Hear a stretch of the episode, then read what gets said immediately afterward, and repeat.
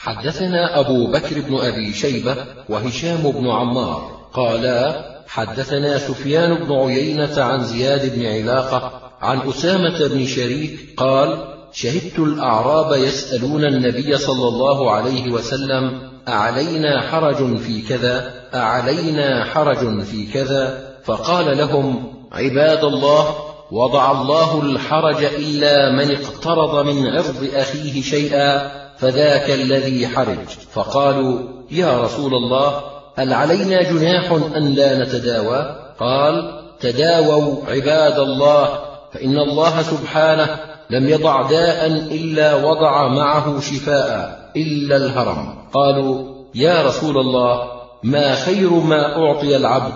قال خلق حسن. حدثنا محمد بن الصباح أنبأنا سفيان بن عيينة عن الزهري عن ابن أبي خزامة عن أبي خزامة قال سئل رسول الله صلى الله عليه وسلم أرأيت أدوية نتداوى بها ورقا نسترقي بها وتقا نتقيها؟ هل ترد من قدر الله شيئا؟ قال هي من قدر الله. حدثنا محمد بن بشار حدثنا عبد الرحمن بن مهدي حدثنا سفيان عن عطاء بن السائب عن أبي عبد الرحمن عن عبد الله عن النبي صلى الله عليه وسلم قال ما أنزل الله داء إلا أنزل له دواء. حدثنا أبو بكر بن أبي شيبة وإبراهيم بن سعيد الجوهري قالا حدثنا أبو أحمد عن عمر بن سعيد بن أبي حسين حدثنا عطاء عن أبي هريرة قال قال رسول الله صلى الله عليه وسلم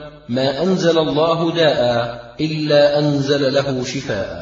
حدثنا الحسن بن علي الخلال حدثنا صفوان بن هبيرة حدثنا أبو مكين عن عكرمة عن ابن عباس أن النبي صلى الله عليه وسلم عاد رجلا فقال له ما تشتهي؟ فقال أشتهي خبز بر فقال النبي صلى الله عليه وسلم من كان عنده خبز بر فليبعث إلى أخيه. ثم قال النبي صلى الله عليه وسلم إذا اشتهى مريض أحدكم شيئا فليطعم. حدثنا سفيان بن وكيع حدثنا أبو يحيى الحماني عن الأعمش عن يزيد الرقاشي عن أنس بن مالك قال دخل النبي صلى الله عليه وسلم على مريض يعوده. قال أتشتهي شيئا؟ قال أشتهي كعكا. قال نعم فطلبوا له. حدثنا أبو بكر بن أبي شيبة حدثنا يونس بن محمد حدثنا فليح بن سليمان عن أيوب بن عبد الرحمن بن عبد الله بن أبي صعصعة وحدثنا محمد بن بشار حدثنا أبو عامر وأبو داود. قالا حدثنا فليح بن سليمان عن أيوب بن عبد الرحمن عن يعقوب بن أبي يعقوب عن أم المنذر بنت قيس الأنصارية قالت دخل علينا رسول الله صلى الله عليه وسلم ومعه علي بن أبي طالب وعلي ناقف من مرض ولنا دوالي معلقة. وكان النبي صلى الله عليه وسلم يأكل منها فتناول علي يأكل فقال النبي صلى الله عليه وسلم مه يا علي إنك ناقه. قال فصنعت للنبي صلى الله عليه وسلم سلقا وشعيرا. فقال النبي صلى الله عليه وسلم يا علي من هذا فأصب فإنه أنفع لك. حدثنا عبد الرحمن بن عبد الوهاب حدثنا موسى بن إسماعيل حدثنا ابن المبارك عن عبد الحميد بن صيفي من ولد صهيب عن أبيه عن جده صهيب قال قدمت على النبي صلى الله عليه وسلم وبين يديه خبز وتمر. فقال النبي صلى الله عليه وسلم أدن فكل. فأخذت آكل من التمر فقال النبي صلى الله عليه وسلم تأكل تمرا وبكرمات قال فقلت إني أمضغ من ناحية أخرى. فتبسم رسول الله صلى الله عليه وسلم. حدثنا محمد بن عبد الله بن نمير حدثنا بكر بن يونس بن بكير عن موسى بن علي بن رباح عن أبيه عن عقبة بن عامر الجهني قال قال رسول الله صلى الله عليه وسلم لا تكرهوا مرضاكم على الطعام والشراب فإن الله يطعمهم ويسقيهم. حدثنا إبراهيم بن سعيد الجوهري حدثنا إسماعيل بن علية حدثنا محمد بن السائب عن بركة عن أمه عن عائشة قالت كان رسول الله صلى الله عليه وسلم إذا أخذ أهله الوعك أمر بالحساء قالت وكان يقول إنه ليرتو فؤاد الحزين ويسرو عن فؤاد السقيم كما تسرو إحداكن الوسخ عن وجهها بالماء. حدثنا علي بن أبي الخصيب حدثنا وكيع عن أيمن بن نابل عن امرأة من قريش يقال لها كلثم عن عائشة قالت قال النبي صلى الله عليه وسلم عليكم بالبغيض النافع التلبينة يعني الحساء. قالت وكان رسول الله صلى الله عليه وسلم إذا اشتكى أحد من أهله لم تزل البرمة على النار حتى ينتهي أحد طرفيه يعني يبرأ أو يموت. حدثنا محمد بن رمح ومحمد بن الحارث المصريان. قالا حدثنا الليث بن سعد عن عقيل عن ابن شهاب. أخبرني أبو سلمة بن عبد الرحمن وسعيد بن المسيب أن أبا هريرة أخبرهما أنه سمع رسول الله صلى الله عليه وسلم يقول إن في الحبة السوداء شفاء من كل داء إلا السام والسام الموت والحبة السوداء الشنيز. حدثنا أبو سلمة يحيى بن خلف حدثنا أبو عاصم عن عثمان بن عبد الملك قال سمعت سالم بن عبد الله يحدث عن أبيه أن رسول الله صلى الله عليه وسلم قال عليكم بهذه الحبة السوداء فإن فيها شفاء من كل داء إلا السام. حدثنا أبو بكر بن أبي شيبة حدثنا عبيد الله أنبأنا إسرائيل عن منصور عن خالد بن سعد قال خرجنا ومعنا غالب بن أبجر فمرض في الطريق فقدمنا المدينة وهو مريض فعاده ابن أبي عتيق وقال لنا عليكم بهذه الحبة السوداء فخذوا منها خمسا أو سبعا فاسحقوها ثم اقطروها في أنفه بقطرات زيت في هذا الجانب وفي هذا الجانب. فإن عائشة حدثتهم أنها سمعت رسول الله صلى الله عليه وسلم يقول إن هذه الحبة السوداء شفاء من كل داء إلا أن يكون السام. قلت وما السام؟ قال الموت. حدثنا محمود بن خيلاش حدثنا سعيد بن زكريا القرشي حدثنا الزبير بن سعيد الهاشمي عن عبد الحميد بن سالم عن أبي هريرة قال قال رسول الله صلى الله عليه وسلم من لعق العسل ثلاث غدوات كل شهر لم يصبه عظيم من البلاء. حدثنا أبو بشر بكر بن خلف حدثنا عمر بن سهل حدثنا أبو حمزة العطار عن الحسن عن جابر بن عبد الله قال أهدي للنبي صلى الله عليه وسلم عسل فقسم بيننا لعقة لعقة فأخذت لعقتي ثم قلت يا رسول الله أزداد أخرى؟ قال نعم. حدثنا علي بن سلمة حدثنا زيد بن الحباب حدثنا سفيان عن أبي إسحاق عن أبي الأحوص. عن عبد الله قال قال رسول الله صلى الله عليه وسلم عليكم بشفائين العسل والقرآن. حدثنا محمد بن عبد الله بن نمير حدثنا أصباط بن محمد حدثنا الأعمش عن جعفر بن إياس عن شهر بن حوشب عن أبي سعيد وجابر قالا قال رسول الله صلى الله عليه وسلم الكمأة من المن وماؤها شفاء للعين والعجوة من الجنة وهي شفاء من الجنة. حدثنا علي بن ميمون ومحمد بن عبد الله الرقيان قالا حدثنا سعيد بن مسلمة بن هشام عن الأعمش عن جعفر بن إياس عن أبي نضرة عن أبي سعيد الخدري عن النبي صلى الله عليه وسلم مثله. حدثنا محمد بن الصباح أنبأنا سفيان بن عيينة عن عبد الملك بن عمير سمع عمرو بن حريث يقول سمعت سعيد بن زيد بن عمرو بن نفيل يحدث عن النبي صلى الله عليه وسلم أن الكمأة من المن الذي أنزل الله على بني إسرائيل وماؤها شفاء العين. حدثنا محمد بن بشار حدثنا أبو عبد الصمد حدثنا مطر الوراق عن شهر بن حوشب عن أبي هريرة قال كنا نتحدث عند رسول الله صلى الله عليه وسلم فذكرنا الكمأة فقالوا هو جدري الأرض. فنمي الحديث إلى رسول الله صلى الله عليه وسلم فقال الكمأة من المن والعجوة من الجنة وهي شفاء من السم.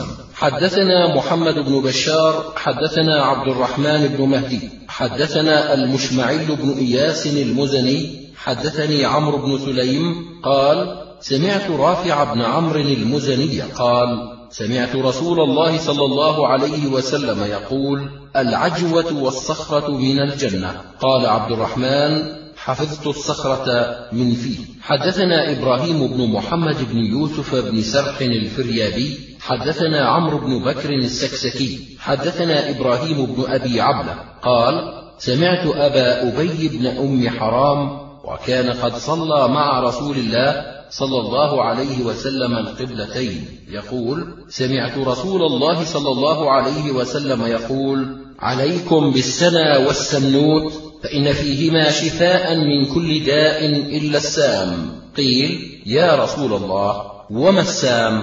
قال الموت. قال عمرو قال ابن أبي عبلة السنوت الشبت.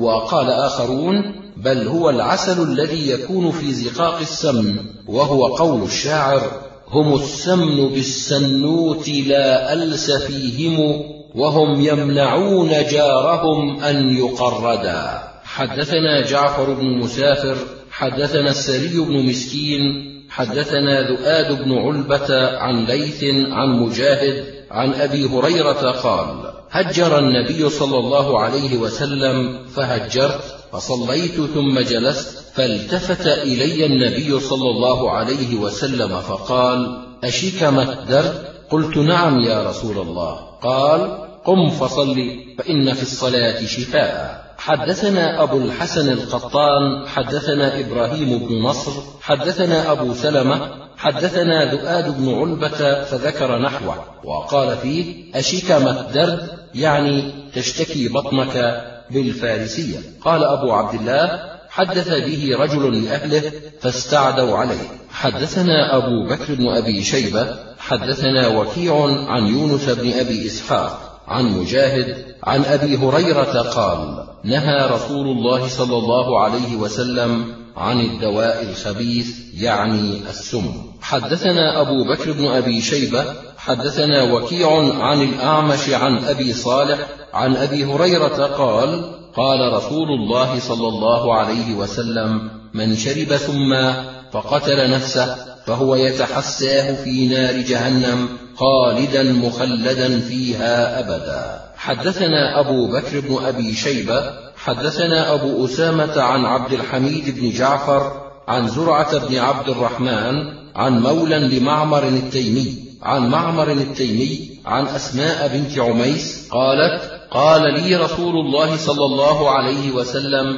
بماذا كنت تستمشين؟ قلت بالشبرم قال حار جار. ثم استمشيت بالسنا فقال لو كان شيء يشفي من الموت كان السنا والسنا شفاء من الموت. حدثنا أبو بكر بن أبي شيبة ومحمد بن الصباح قالا حدثنا سفيان بن عيينة عن الزهري عن عبيد الله بن عبد الله عن أم قيس بنت محصن قالت دخلت بابن لي على النبي صلى الله عليه وسلم وقد أعلقت عليه من العذرة فقال علام تدغرن أولادكن بهذا العلاق عليكم بهذا العود الهندي فإن فيه سبعة أشفية يصعد به من العذرة ويلد به من ذات الجنب حدثنا أحمد بن عمرو بن السرح المصري حدثنا عبد الله بن وهب أنبأنا يونس عن ابن شهاب عن عبيد الله عن أم قيس بنت محصن عن النبي صلى الله عليه وسلم بنحوه. قال يونس أعلقت يعني رمزت. حدثنا هشام بن عمار وراشد بن سعيد الرملي. قالا حدثنا الوليد بن مسلم حدثنا هشام بن حسان حدثنا أنس بن سيرين أنه سمع أنس بن مالك يقول سمعت رسول الله صلى الله عليه وسلم يقول شفاء عرق النسى ألية شاة أعرابية تذاب ثم تجزأ ثلاثة أجزاء ثم يشرب على الريق في كل يوم جزء. حدثنا هشام بن عمار ومحمد بن الصباح قالا حدثنا عبد العزيز بن أبي حازم عن أبيه عن سهل بن سعد الساعدي قال جرح رسول الله صلى الله عليه وسلم يوم أحد وكسرت رباعيته وهشمت البيضة على رأسه فكانت فاطمة تغسل الدم عنه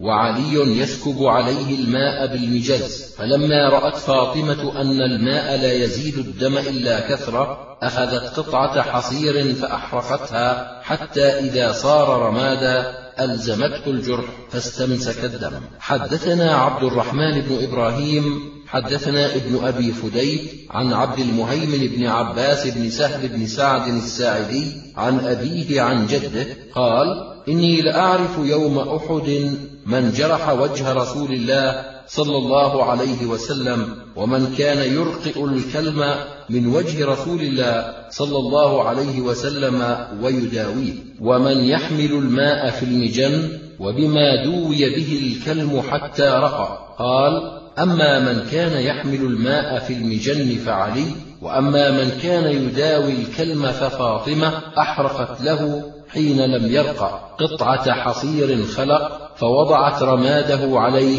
فرقأ الكلم. حدثنا هشام بن عمار وراشد بن سعيد الرملي قالا حدثنا الوليد بن مسلم حدثنا ابن جريج عن عمرو بن شعيب عن أبيه عن جده قال قال رسول الله صلى الله عليه وسلم من تطبب ولم يعلم منه طب قبل ذلك فهو ضامن.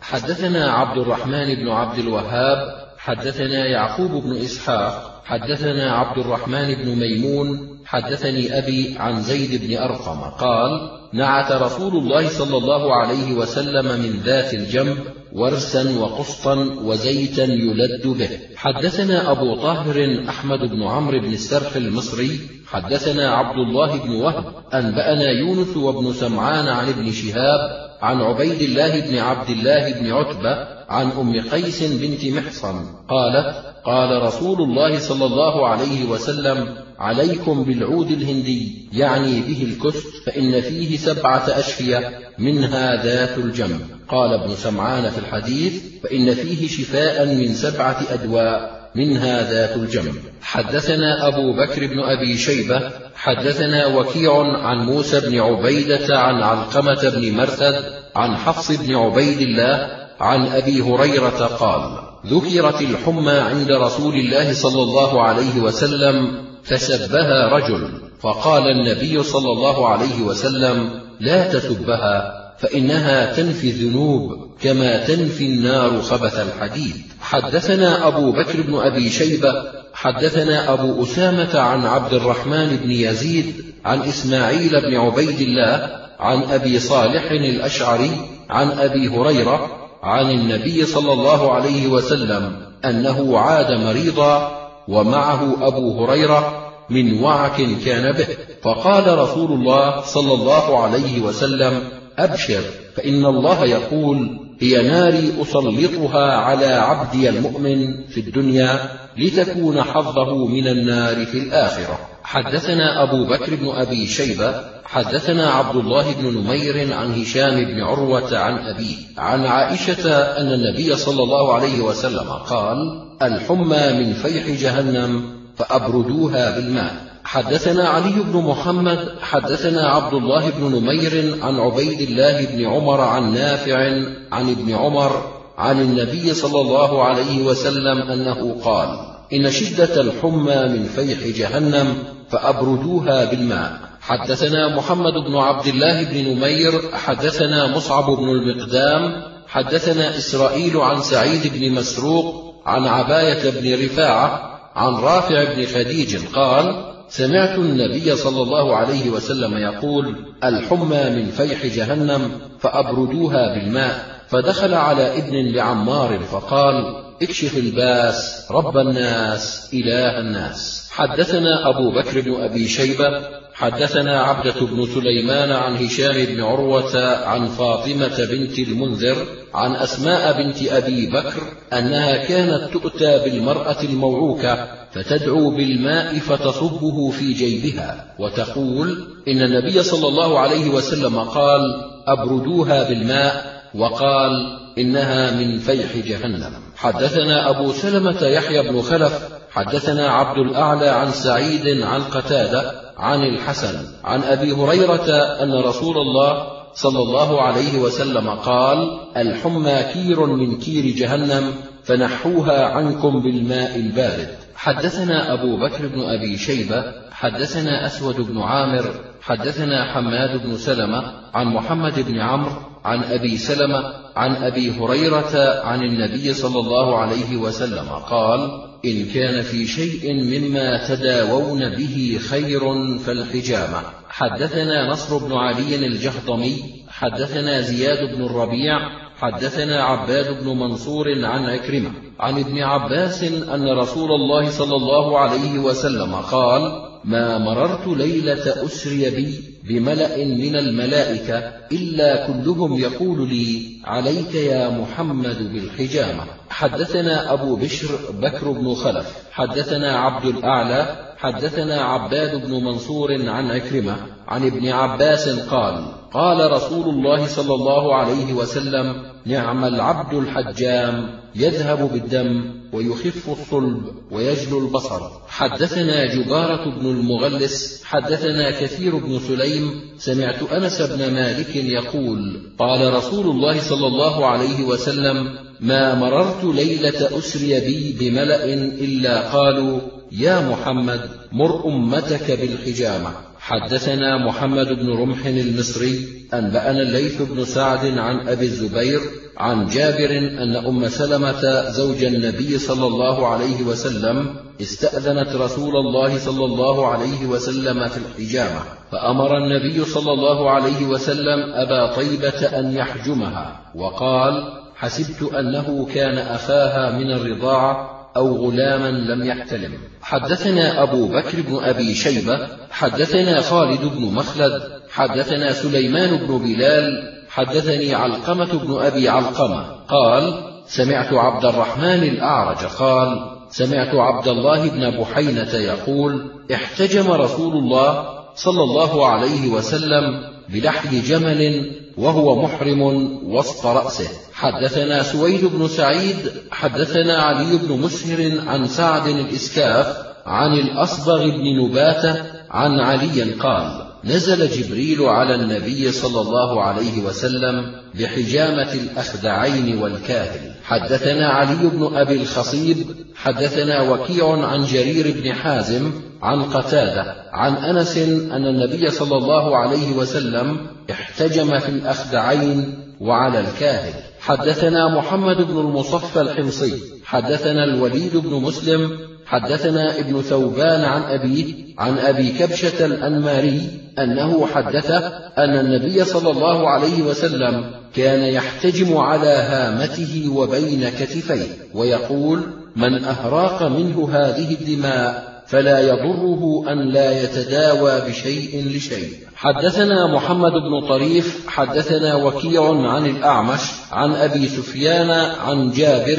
أن النبي صلى الله عليه وسلم سقط عن فرسه على جذع فانفكت قدمه. قال وكيع يعني أن النبي صلى الله عليه وسلم احتجم عليها من وثء حدثنا سويد بن سعيد حدثنا عثمان بن مطر عن زكريا بن ميسرة عن النهاس بن قهم عن أنس بن مالك أن رسول الله صلى الله عليه وسلم قال من أراد الحجامة فليتحر سبعة عشر أو تسعة عشر أو إحدى وعشرين ولا يتبيغ بأحدكم الدم فيقتله. حدثنا سويد بن سعيد حدثنا عثمان بن مطر عن الحسن بن أبي جعفر عن محمد بن جحادة عن نافع عن ابن عمر قال يا نافع قد تبيغ بي الدم فالتمس لي حجاما واجعله رفيقا إن استطعت ولا تجعله شيخا كبيرا ولا صبيا صغيرا. فإني سمعت رسول الله صلى الله عليه وسلم يقول الحجامة على الريق أمثل وفيه شفاء وبركة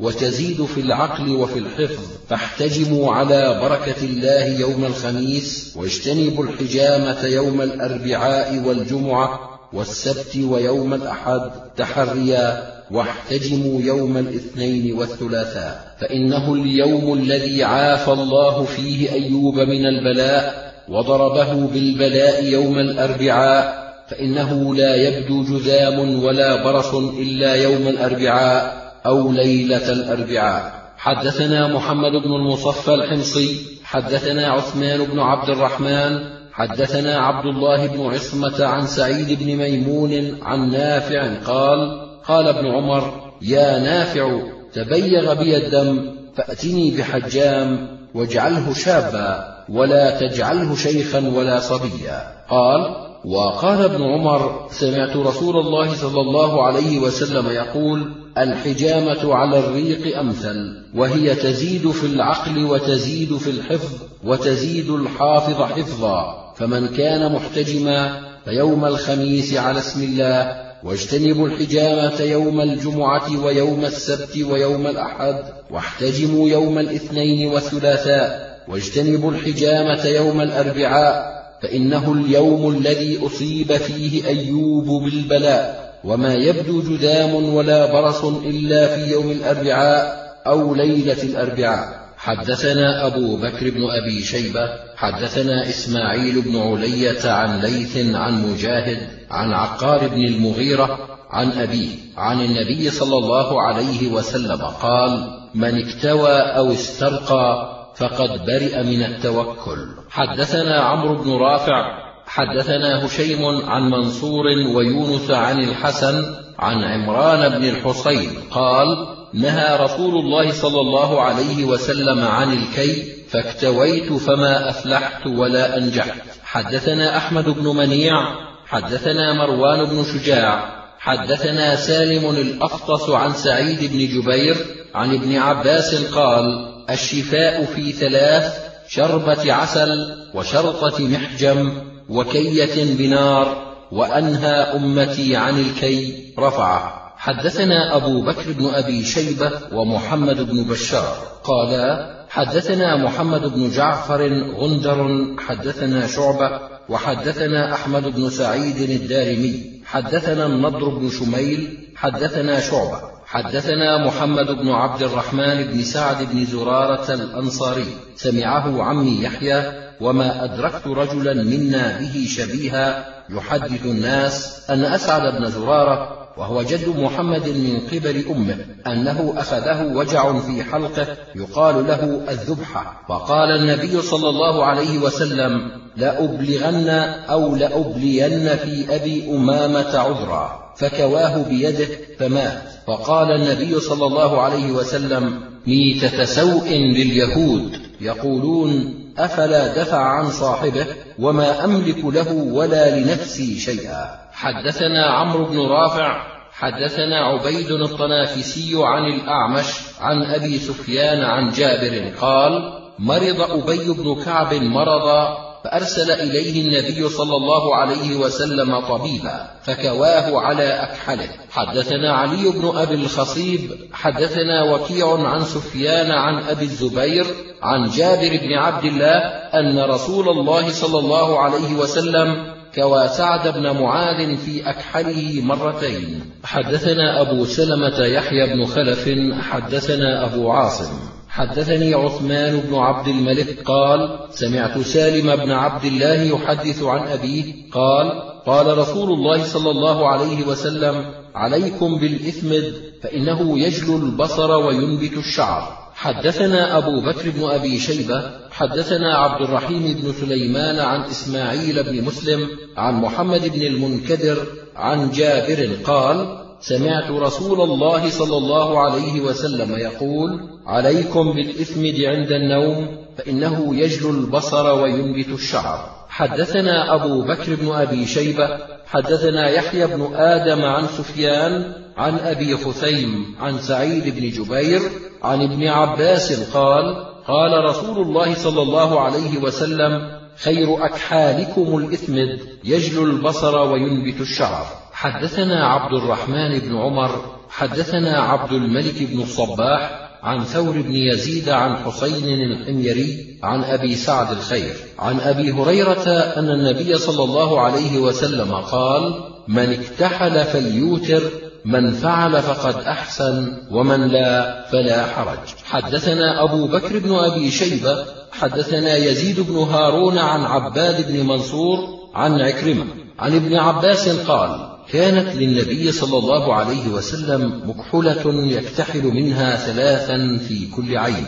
حدثنا أبو بكر بن أبي شيبة حدثنا عفان حدثنا حماد بن سلمة أنبأنا سماك بن حرب عن علقمة بن وائل الحضرمي عن طارق بن سويد الحضرمي قال قلت يا رسول الله إن بأرضنا أعنابا نعتصرها فنشرب منها؟ قال لا. فراجعته قلت إنا نستشفي به للمريض.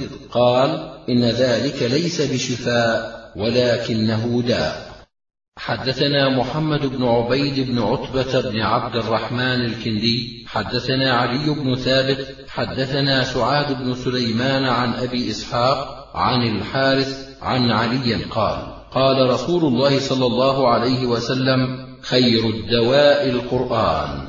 حدثنا أبو بكر بن أبي شيبة حدثنا زيد بن الحباب حدثنا فائد مولى عبيد الله بن علي بن أبي رافع حدثني مولاي عبيد الله حدثتني جدتي سلمى أم رافع مولاة رسول الله صلى الله عليه وسلم قالت كان لا يصيب النبي صلى الله عليه وسلم قرحة ولا شوكة إلا وضع عليه الحناء حدثنا نصر بن علي الجهضمي حدثنا عبد الوهاب حدثنا حميد عن أنس أن ناسا من عرينة قدموا على رسول الله صلى الله عليه وسلم فاجتووا المدينة فقال صلى الله عليه وسلم لو خرجتم إلى ذود لنا فشربتم من ألبانها وأبوالها ففعلوا. حدثنا أبو بكر بن أبي شيبة حدثنا يزيد بن هارون عن ابن أبي ذئب عن سعيد بن خالد عن أبي سلمة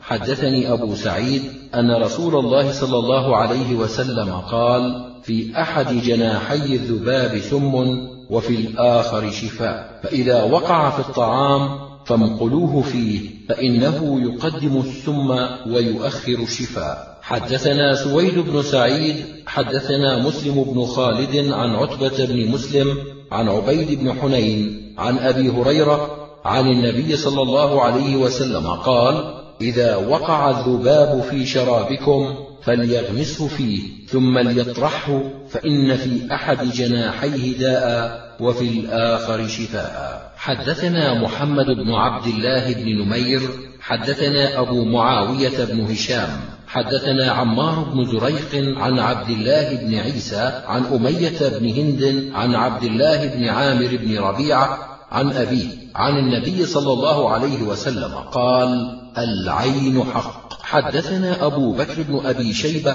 حدثنا إسماعيل بن علية عن الجريري عن مضارب بن حزم عن أبي هريرة قال قال رسول الله صلى الله عليه وسلم العين حق. حدثنا محمد بن بشار حدثنا أبو هشام المخزومي حدثنا وهيب عن أبي واقد عن أبي سلمة بن عبد الرحمن عن عائشة قالت قال رسول الله صلى الله عليه وسلم استعيذوا بالله فإن العين حق. حدثنا هشام بن عمار حدثنا سفيان عن الزهري عن أبي أمامة بن سهل بن حنيف قال مر عامر بن ربيعة بسهل بن حنيف وهو يغتسل فقال لم أرك اليوم ولا جلد مخبأ فما لبث أن لبط به فأتي به النبي صلى الله عليه وسلم فقيل له أدرك سهلا صريعا. قال من تتهمون به؟ قالوا عامر بن ربيعة. قال علام يقتل أحدكم أخاه إذا رأى أحدكم من أخيه ما يعجبه فليدعو له بالبركة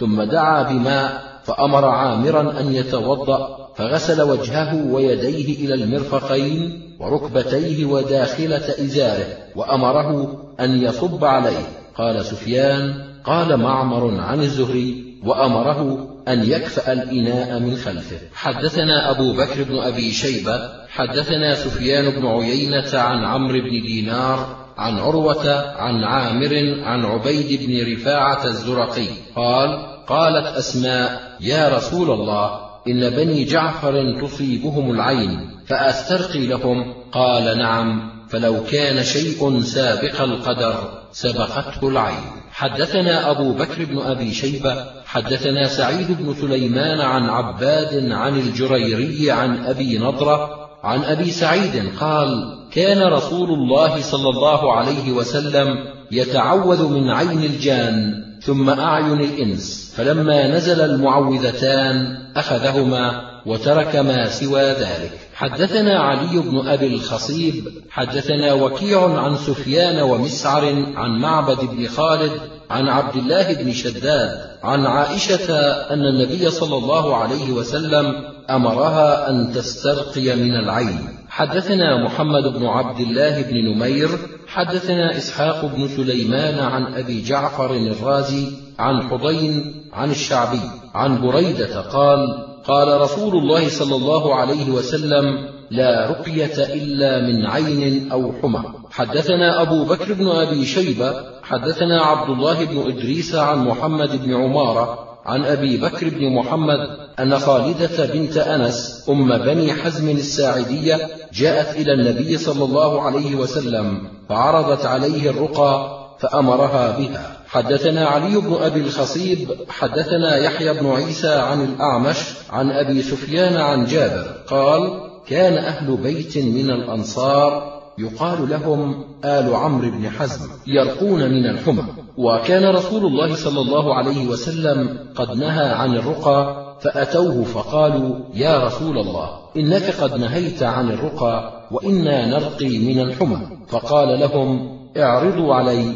فعرضوها عليه فقال لا بأس بهذه هذه مواثيق. حدثنا عبدة بن عبد الله حدثنا معاوية بن هشام حدثنا سفيان عن عاصم عن يوسف بن عبد الله بن الحارث عن أنس أن النبي صلى الله عليه وسلم رخص في الرقية من الحمى والعين والنملة. حدثنا عثمان بن أبي شيبة وهناد بن السري قالا حدثنا أبو الأحوص عن مغيرة عن إبراهيم عن الأسود عن عائشة قالت رخص رسول الله صلى الله عليه وسلم في الرقية من الحية والعقرب. حدثنا إسماعيل بن بهرام حدثنا عبيد الله الأشجعي عن سفيان عن سهيل بن أبي صالح عن أبيه عن أبي هريرة قال لدغت عقرب رجلا فلم ينم ليلته فقيل للنبي صلى الله عليه وسلم إن فلانا لدغته عقرب فلم ينم ليلته فقال أما إنه لو قال حين أمسى أعوذ بكلمات الله التامات من شر ما خلق ما ضره لدغ عقرب حتى يصبح. حدثنا أبو بكر بن أبي شيبة حدثنا عفان حدثنا عبد الواحد بن زياد حدثنا عثمان بن حكيم. حدثني أبو بكر بن عمرو بن حزم عن عمرو بن حزم قال عرضت النهشة من الحية على رسول الله صلى الله عليه وسلم فأمر بها. حدثنا أبو بكر بن أبي شيبة حدثنا جرير عن منصور عن أبي الضحى عن مسروق عن عائشة قالت كان رسول الله صلى الله عليه وسلم إذا أتى المريض فدعا له قال أذهب الباس رب الناس واشف أنت الشافي لا شفاء إلا شفاؤك شفاء لا يغادر سقما. حدثنا أبو بكر بن أبي شيبة حدثنا سفيان عن عبد ربه عن عمرة عن عائشة أن النبي صلى الله عليه وسلم كان مما يقول للمريض ببزاقه بإصبعه بسم الله تربة أرضنا بريقة بعضنا ليشفى سقيمنا بإذن ربنا. حدثنا أبو بكر حدثنا يحيى بن أبي بكير حدثنا زهير بن محمد عن يزيد بن خصيفة عن عمرو بن عبد الله بن كعب عن نافع بن جبير عن عثمان بن أبي العاص الثقفي أنه قال قدمت على النبي صلى الله عليه وسلم وبي وجع قد كاد يبطلني. فقال لي النبي صلى الله عليه وسلم اجعل يدك اليمنى عليه وقل بسم الله أعوذ بعزة الله وقدرته من شر ما أجد وأحاذر سبع مرات. فقلت ذلك فشفاني الله. حدثنا بشر بن هلال الصواف حدثنا عبد الوارث عن عبد العزيز بن صهيب عن أبي نضرة عن أبي سعيد أن جبرائيل أتى النبي صلى الله عليه وسلم فقال يا محمد اشتكيت؟ قال نعم. قال بسم الله أرقيك من كل شيء يؤذيك من شر كل نفس أو عين أو حاسد الله يشفيك. بسم الله أرقيك. حدثنا محمد بن بشار وحفص بن عمر. قالا حدثنا عبد الرحمن حدثنا سفيان عن عاصم بن عبيد الله عن زياد بن ثويب عن أبي هريرة قال جاء النبي صلى الله عليه وسلم يعودني فقال لي ألا أرقيك برقية جاءني بها جبرائيل؟ قلت بأبي وأمي بلى يا رسول الله. قال بسم الله أرقيك والله يشفيك من كل داء فيك من شر النفاثات في العقد ومن شر حاسد إذا حسد ثلاث مرات. حدثنا محمد بن سليمان بن هشام البغدادي حدثنا وكيع وحدثنا أبو بكر بن خلاد الباهلي حدثنا أبو عامر قال حدثنا سفيان عن منصور عن منهال عن سعيد بن جبير عن ابن عباس قال كان النبي صلى الله عليه وسلم يعوذ الحسن والحسين. يقول أعوذ بكلمات الله التامة من كل شيطان وهامة ومن كل عين لامة. قال وكان أبونا إبراهيم يعوذ بها إسماعيل وإسحاق. أو قال إسماعيل ويعقوب. وهذا حديث وكيع. حدثنا محمد بن بشار حدثنا أبو عامر حدثنا إبراهيم الأشهلي عن داود بن حسين عن عكرمة عن ابن عباس أن النبي صلى الله عليه وسلم كان يعلمهم من الحمى ومن الأوجاع كلها أن يقولوا بسم الله الكبير أعوذ بالله العظيم من شر عرق النعار ومن شر حر النار. قال أبو عامر أنا أخالف الناس في هذا أقول يعار. حدثنا عبد الرحمن بن إبراهيم الدمشقي حدثنا ابن أبي فديك أخبرني إبراهيم بن إسماعيل بن أبي حبيبة الأشهلي عن داود بن الحصين عن عكرمة عن ابن عباس عن النبي صلى الله عليه وسلم نحوه وقال من شر عرق يعار. حدثنا عمرو بن عثمان بن سعيد بن كثير بن دينار الحمصي حدثنا أبي عن ابن ثوبان عن عمير أنه سمع جنادة بن أبي أمية قال سمعت عبادة بن الصامت يقول أتى جبرائيل عليه السلام النبي صلى الله عليه وسلم وهو يوعك فقال بسم الله أرقيك من كل شيء يؤذيك من حسد حاسد ومن كل عين الله يشفيك. حدثنا أبو بكر بن أبي شيبة وعلي بن ميمون الرقي وسهل بن أبي سهل قالوا حدثنا وكيع عن مالك بن أنس عن الزهري عن عروة عن عائشة أن النبي صلى الله عليه وسلم كان ينفث في الرقية. حدثنا سهل بن أبي سهل قال حدثنا معن بن عيسى وحدثنا محمد بن يحيى حدثنا بشر بن عمر قالا حدثنا مالك عن ابن شهاب عن عروة عن عائشة أن النبي صلى الله عليه وسلم كان إذا اشتكى يقرأ على نفسه بالمعوذات وينفث. فلما اشتد وجعه كنت أقرأ عليه وأمسح بيده رجاء بركتها. حدثنا أيوب بن محمد الرقي حدثنا معمر بن سليمان حدثنا عبد الله بن بشر عن الأعمش عن عمرو بن مرة عن يحيى بن الجزار عن ابن أخت زينب امرأة عبد الله عن زينب قالت كانت عجوز تدخل علينا ترقي من الحمرة وكان لنا سرير طويل القوائم وكان عبد الله إذا دخل تنحنح وصوت فدخل يوما فلما سمعت صوته احتجبت منه فجاء فجلس إلى جانبي فمسني فوجد مس خيط فقال ما هذا؟ فقلت رقا لي فيه من الحمرة. فجذبه وقطعه فرمى به وقال لقد أصبح آل عبد الله أغنياء عن الشرك. سمعت رسول الله صلى الله عليه وسلم يقول إن الرقى والتمائم والتولة شرك. قلت فإني خرجت يوما فأبصرني فلان فدمعت عيني التي تليه فإذا رقيتها سكنت دمعتها وإذا تركتها دمعت. قال ذاك الشيطان إذا أطعته تركك وإذا عصيته طعن بإصبعه في عينك ولكن لو فعلت كما فعل رسول الله صلى الله عليه وسلم كان خيرا لك وأجدر أن تشفين. تنضحين في عينك الماء وتقولين أذهب الباس رب الناس اشف أنت الشافي لا شفاء إلا شفاؤك شفاء لا يغادر سقما. حدثنا علي بن أبي الخصيب حدثنا وكيع عن مبارك عن الحسن عن عمران بن الحصين أن النبي صلى الله عليه وسلم رأى رجلا في يده حلقة من صفر فقال ما هذه الحلقة؟ قال هذه من الواهنة. قال انزعها. فإنها لا تزيدك إلا وهنا حدثنا أبو بكر بن أبي شيبة حدثنا عبد الرحيم بن سليمان عن يزيد بن أبي زياد عن سليمان بن عمرو بن الأحوص عن أم جندب قالت رأيت رسول الله صلى الله عليه وسلم رمى جمرة العقبة من بطن الوادي يوم النحر ثم انصرف وتبعته امرأة من خثعم ومعها صبي لها به بلاء لا يتكلم. فقالت يا رسول الله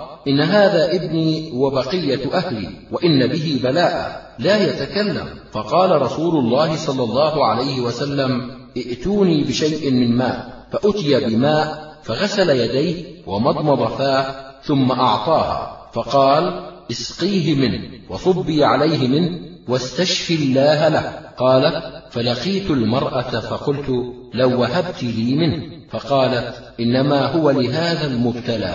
قالت فلقيت المرأة من الحول فسألتها عن الغلام فقالت برأ وعقل عقلا ليس كعقول الناس. حدثنا محمد بن عبيد بن عبد الرحمن الكندي. حدثنا علي بن ثابت. حدثنا معاذ بن سليمان عن أبي إسحاق عن الحارث. عن علي قال قال رسول الله صلى الله عليه وسلم خير الدواء القرآن. حدثنا أبو بكر بن أبي شيبة حدثنا عبدة بن سليمان عن هشام بن عروة عن أبيه عن عائشة قالت أمر النبي صلى الله عليه وسلم بقتل ذي الطفيتين فإنه يلتمس البصر ويصيب الحبل يعني حية خبيثة. حدثنا أحمد بن عمرو بن السرح حدثنا عبد الله بن وهب. أخبرني يونس عن ابن شهاب عن سالم عن أبيه أن رسول الله صلى الله عليه وسلم قال اقتلوا الحيات واقتلوا ذا الطفيتين والأبتر فإنهما يلتمسان البصر ويسقطان الحبل. حدثنا محمد بن عبد الله بن نمير حدثنا عبدة بن سليمان عن محمد بن عمرو عن أبي سلمة عن أبي هريرة قال كان النبي صلى الله عليه وسلم يعجبه الفأل الحسن ويكره الطيرة. حدثنا أبو بكر بن أبي شيبة حدثنا يزيد بن هارون أنبأنا شعبة عن قتادة عن أنس قال قال النبي صلى الله عليه وسلم لا عدوى ولا طيرة وأحب الفأل الصالح. حدثنا أبو بكر بن أبي شيبة حدثنا وكيع عن سفيان عن سلمة عن عيسى بن عاصم عن زر عن عبد الله. قال قال رسول الله صلى الله عليه وسلم الطيرة شرك وما منا إلا ولكن الله يذهبه بالتوكل. حدثنا أبو بكر بن أبي شيبة حدثنا أبو الأحوص عن سماك عن عكرمة.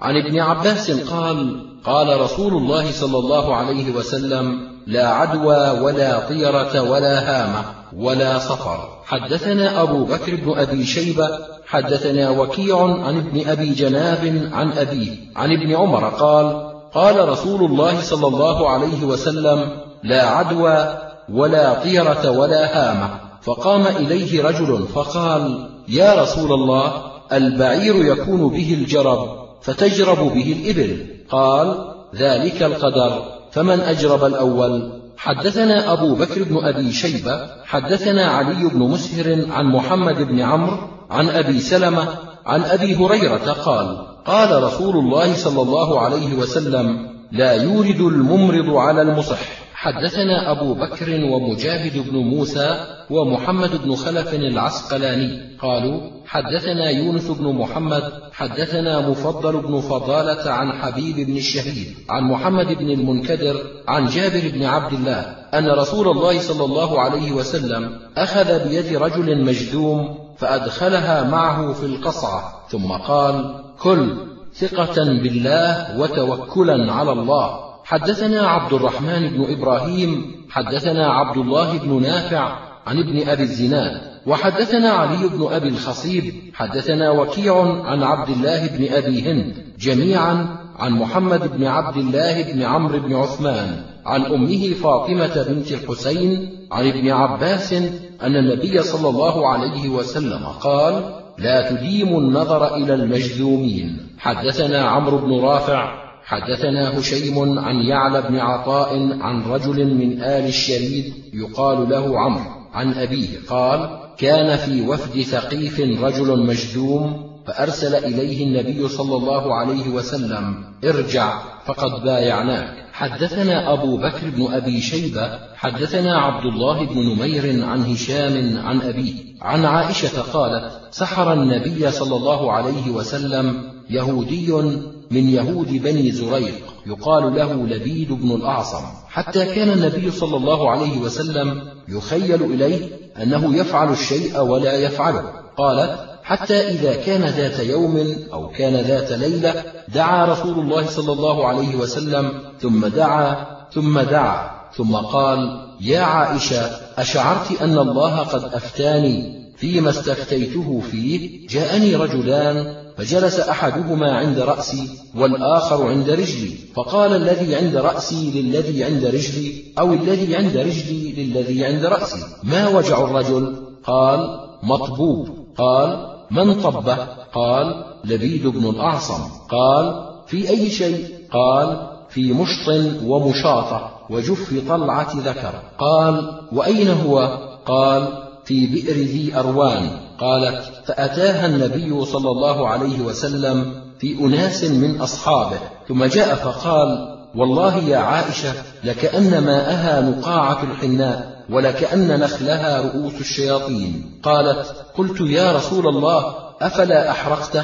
قال لا أما أنا فقد عافاني الله وكرهت أن أثير على الناس منه شرا فأمر بها فدفنت. حدثنا يحيى بن عثمان بن سعيد بن كثير بن دينار الحمصي حدثنا بقية حدثنا أبو بكر العنسي عن يزيد بن أبي حبيب ومحمد بن يزيد المصريين قالا حدثنا نافع عن ابن عمر قال قالت أم سلمة يا رسول الله لا يزال يصيبه كل عام وجع من الشاة المسمومة التي أكلت. قال ما أصابني شيء منها إلا وهو مكتوب علي وآدم في طينته. حدثنا أبو بكر بن أبي شيبة حدثنا عفان حدثنا وهب. حدثنا محمد بن عجلان عن يعقوب بن عبد الله بن الأشج عن سعيد بن المسيب عن سعد بن مالك عن خولة بنت حكيم أن النبي صلى الله عليه وسلم قال لو أن أحدكم إذا نزل منزلا قال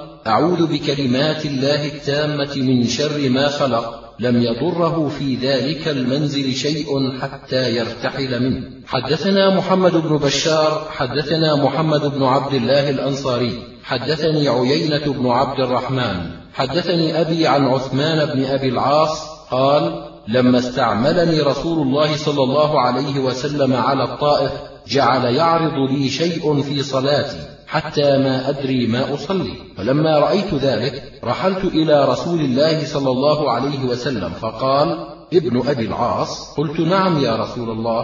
قال ما جاء بك؟ قلت يا رسول الله عرض لي شيء في صلواتي حتى ما أدري ما أصلي. قال ذاك الشيطان أدنه فدنوت منه. فجلست على صدور قدمي. قال فضرب صدري بيده وتفل في فمي وقال اخرج عدو الله. ففعل ذلك ثلاث مرات. ثم قال الحق بعملك. قال فقال عثمان فلعمري ما أحسبه خالطني بعد. حدثنا هارون بن حيان حدثنا إبراهيم بن موسى أنبأنا عبدة بن سليمان. حدثنا أبو جناب عن عبد الرحمن بن أبي ليلى عن أبيه أبي ليلى قال كنت جالسا عند النبي صلى الله عليه وسلم إذ جاءه أعرابي فقال إن لي أخا وجعا. قال ما وجع أخيك؟ قال به لمم قال اذهب فأتني به. قال فذهب فجاء به فأجلسه بين يديه فسمعته عوذه بفاتحة الكتاب وأربع آيات من أول البقرة وآيتين من وسطها وإلهكم إله واحد وآية الكرسي وثلاث آيات من خاتمتها وآية من آل عمران أحسبه قال شهد الله أنه لا إله إلا هو. وآية من الأعراف إن ربكم الله الذي خلق الآية. وآية من المؤمنين ومن يدع مع الله إلها آخر لا برهان له به. وآية من الجن وأنه تعالى جد ربنا ما اتخذ صاحبة ولا ولدا. وعشر آيات من أول الصافات وثلاث من آخر الحشر وقل هو الله أحد والمعوذتين فقام الأعرابي قد برأ ليس به بأس.